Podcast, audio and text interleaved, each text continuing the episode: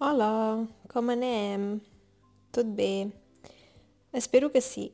Avui et vull donar les gràcies, moltes gràcies si estàs escoltant aquest episodi. Ja és el número 100. Ja has escoltat 100 episodis, si no te n'has saltat cap, i uh, estic molt contenta de continuar amb aquest podcast. També vull donar les gràcies als que em donen suport a Ko-Fi i a Patreon. Moltíssimes gràcies. Avui parlarem de la importància de ser agraït i si no esteu inspirats i penseu, pf, agraït de què? Uh, us donaré algunes idees. Uh, segurament hi haurà coses que direu, ah no, jo això no, per exemple, o a mi aquest tema no em va gaire bé. No passa res és només una font d'inspiració. Segur que cada un de vosaltres hi trobarà coses per les quals pot estar agraït o agraïda. Si ja estàs a punt, som-hi!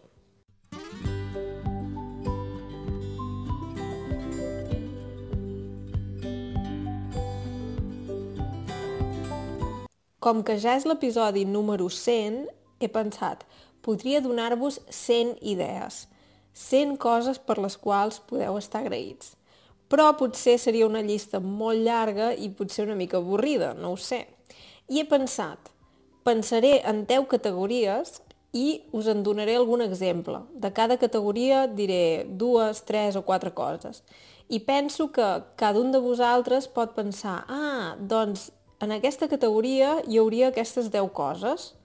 Llavors no cal que us doni 100 coses, sinó que vosaltres també podeu pensar, ah, dins d'aquesta categoria mm, jo crec que seria això, seria allò. D'acord? Molt bé, doncs a veure què us sembla. Jo penso que la categoria més bàsica és tenir les necessitats bàsiques cobertes. Què són les necessitats bàsiques? Tenir un lloc per dormir, tenir menjar, estar protegit del fred, etc. Llavors, um, jo crec que la majoria de persones que escolten aquest podcast espero i desitjo que també puguin estar agraïts per aquest tema i sí, que tinguin un lloc on dormir, que sempre tinguin de menjar i, i tot això. I, I que no corrin perill. Perquè, per exemple, si dorms al carrer, no només tens fred, no només pots uh, agafar malalties, sinó que també corres perill. Uh, pot ser que algú et faci alguna cosa. En canvi, quan ets a casa teva, estàs protegit, uh, no passes fred, no passes calor i tens un lloc còmode per dormir. Per exemple, jo crec que això és molt important i que moltes vegades ho oblidem. Per això penso que és important esmentar-ho. La categoria número 2 és la salut. La salut poden ser mil coses. Pot ser física o mental i i per cada persona serà diferent. Hi ha gent que potser um, té alguna malaltia i pensa, jo no estic gens bé de salut, jo no puc estar agraït o agraïda per la meva salut. Jo crec que, com, com sempre, pot ser relatiu, depèn molt de què et passi, evidentment. Però, per exemple, si t'has trencat el peu, pots dir, d'acord, m'he trencat el peu, però d'aquí un temps, si tot va bé, uh, ja podré caminar com abans. O, o pots dir, mira, m'he trencat el peu, però en canvi les mans les tinc perfecte i puc fer moltes coses amb les mans. Uh, jo recordo un noi que coneixia que era sec i recordo que anava a esquiar uh, i també anava en bici i feia moltes coses que jo hauria pensat, ostres, mm, m'ho havia imaginat més difícil. Si ets sec, pensava que, que, que tens moltes limitacions i que segur que sí que en tens moltes, però vull dir que aquest noi feia moltes coses igualment i se centrava en aquelles que podia fer i no tant en les que no podia fer. Llavors jo crec que, que és una bona actitud i sí, i espero també que tots els que escolteu estigueu bé de salut i tant físicament com mentalment. Crec que hem d'anar molt en compte amb l'estrès, pot, pot generar molts problemes de salut, eh, tant física com mental. Llavors crec que és important centrar-se en la seva salut i si estàs bé de salut dir, ostres, mira que bé, em trobo bé, no tinc cap mal i, i sí, sí, sí.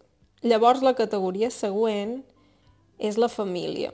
La família és important. Jo ja sé que hi pot haver gent que, pel motiu que sigui, no té gaire família i, i pot ser un punt trist. Si, per exemple, has perdut gent a la teva família, és una cosa molt trista. També pots mirar-ho des del punt de vista que si trobes a faltar algú és perquè l'has estimat, no? És també una manera de dir gràcies. Si veus que, que hi ha algú que ja no hi és i, i que hi penses sovint, és una manera de recordar aquella persona i crec que és, crec que és bonic també, tot i que fa mal si, si trobes a faltar algú que ja no hi és. Això, això és veritat. Però si tens la sort de tenir encara membres de la teva família i teniu bona relació, eh, crec que és molt maco. Jo, jo, per exemple, sempre he tingut molt bona relació amb el meu germà i, i em fa molt feliç tenir un germà. Crec que és una cosa que no... O sigui, no tothom té un germà i no tothom hi té bona relació. I jo en aquest sentit és una cosa que, que agraeixo de debò perquè, perquè realment és algú amb qui puc comptar sempre, um, passi el que passi. I això, això no té preu. Sí, sí. Llavors, uh, sí, uh, espero que tu també tinguis uh, membres de la teva família amb qui pots comptar, uh, a qui estàs agraït i, i crec que la següent categoria ja, la categoria número 4, són els amics. Els amics poden ser com família també. De vegades passa que, que pel que sigui no tenim gaire gent a la nostra família o pel que sigui pot haver-hi mm, conflictes i llavors eh, els amics són gent a qui podem trobar i que, entre cometes, es converteixen en família. Són gairebé tan importants com la família, o depèn, evidentment, de quin amic o quina amiga, però no són només gent amb qui fer coses. Són gent amb qui compartir moments i sí, i és bonic. I alguns amics són només per una fase específica i llavors es perd el contacte, això passa, i d'altres amics són per tota la vida i sí, també és bonic això. Sí, sí.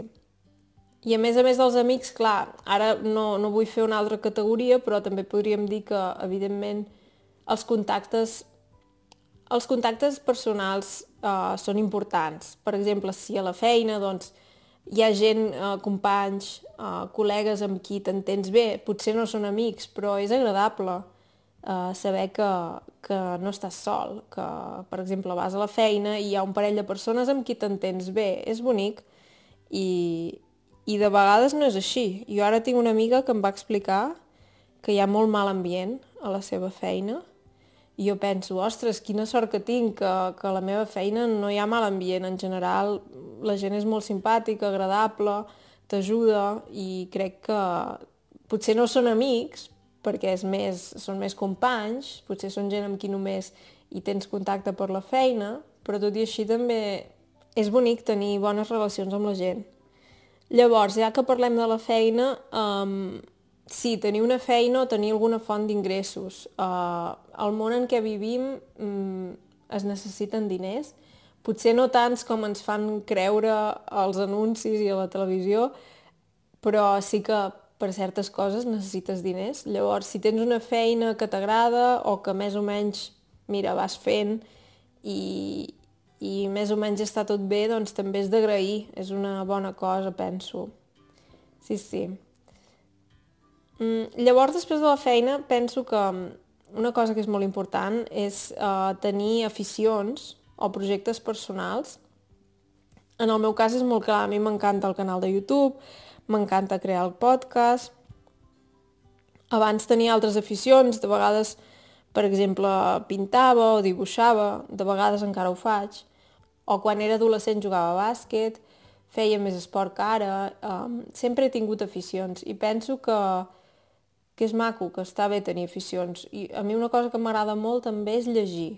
Llegeixo molt. Cada dia abans d'anar a dormir, mmm, encara que siguin 10 o 15 minuts, cada dia llegeixo i, i m'agrada. És una bona manera d'acabar el dia i m'agrada llegir sobre diferents temes. Uh, de vegades ficció, de vegades temes més tipus productivitat, com funciona el cervell, coses així uh, que m'interessen i sí, i són petites aficions que tinc i una cosa que penso que és molt important és que no cal comparar-se. Per exemple, Hi ha gent que llegeix més ràpid que jo. Per exemple, jo no llegeixo especialment ràpid. Llegeixo... Potser perquè ja és abans d'anar a dormir i estic cansada, però no llegeixo especialment ràpid, però no és una competició. Llavors, si per exemple tu dibuixes i dibuixes malament però tu passes bé, mm, tant és que no dibuixis bé. O sigui, no has de ser especial per poder gaudir de la teva afició. Llavors, número 7. Crec que està molt bé de tant en tant fer alguna cosa nova. No ha de ser res de l'altre món. Per exemple, pots buscar una recepta nova per internet, o pots fer una petita excursió a la teva ciutat o al poble del costat. Uh, pots anar amb bici, pots uh, fer un petit viatge, això, al poble del costat. No sempre ha de ser una cosa espectacular.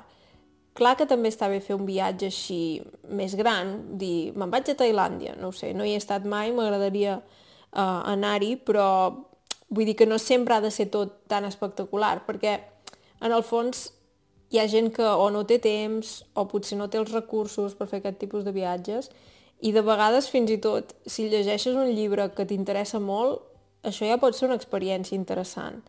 Uh, per exemple, veure una pel·lícula que, no sé, que et fa canviar la perspectiva, una cosa nova, diferent, una mica d'això, de novetat. A mi m'encanta viatjar, uh, quan puc ho faig, però crec que hem de trobar aquest tipus de, d'experiència especial també al dia a dia. No ha de ser sempre tot espectacular, perquè en el fons penso que és una mica perillós si vius sempre esperant el cap de setmana, esperant les pròximes vacances. Crec que també es pot trobar aquesta varietat o aquest punt especial al dia a dia. Llavors, la categoria número 8 és relaxar-se, tenir temps per un mateix. A tu què t'ajuda a relaxar-te? Hi ha gent que medita, hi ha gent que fa ioga, hi ha gent que es banya o que es dutxa amb aigua calenta, hi ha gent que va a passejar pel bosc. Hi ha mil maneres de relaxar-se i també és una cosa per la qual podem estar agraïts, perquè fa, no fa tant temps, potser fa 100 anys, eh, hi havia moltes tasques de la casa que, que duraven molt més, no? Per exemple, a vegades ho penso, dic, ostres, rentar la roba abans era una cosa que havies d'anar al riu, havies de fregar molt, feia fred, eh, pesava molt, era una cosa feixuga, una cosa difícil. I ara poses la roba a la rentadora, ho actives i ja està, i t'esperes i llavors o penges la roba o la poses a la secadora, si tens secadora. Vull dir que realment la vida, també gràcies a la tecnologia, és molt més senzilla ara mateix i això fa que també depèn de la persona, evidentment, però eh, en general hauríem de tenir més temps lliure. Um, depèn molt també de quantes hores treballem, quines responsabilitats tenim, etc. Però crec que de tant en tant està bé trobar uns minuts per relaxar-se, per exemple això, amb una dutxa d'aigua calenta 10 minuts i et sents com nou i està bé, està bé tenir temps i crec que hi afegiria això, relaxar-se gràcies a la tecnologia, perquè crec que la tecnologia ens facilita moltes coses. Llavors, fins ara crec que hem mirat bastant el present, que crec que està bé, perquè crec que s'ha de viure el dia a dia, s'ha de viure el, el present. Però també és veritat que és maco pensar en totes les experiències passades que t'han omplert i que t'han agradat eh, de tant en tant podem pensar-hi i dir, ostres, estic agraït de tot el, o agraïda de tot el que he viscut fins ara, és maco. O, per exemple, de vegades, no sé, et truca un amic i te'n recordes, ai, te'n recordes quan vam fer això, quan vam fer allò, quan vam anar allà, quan... Sí.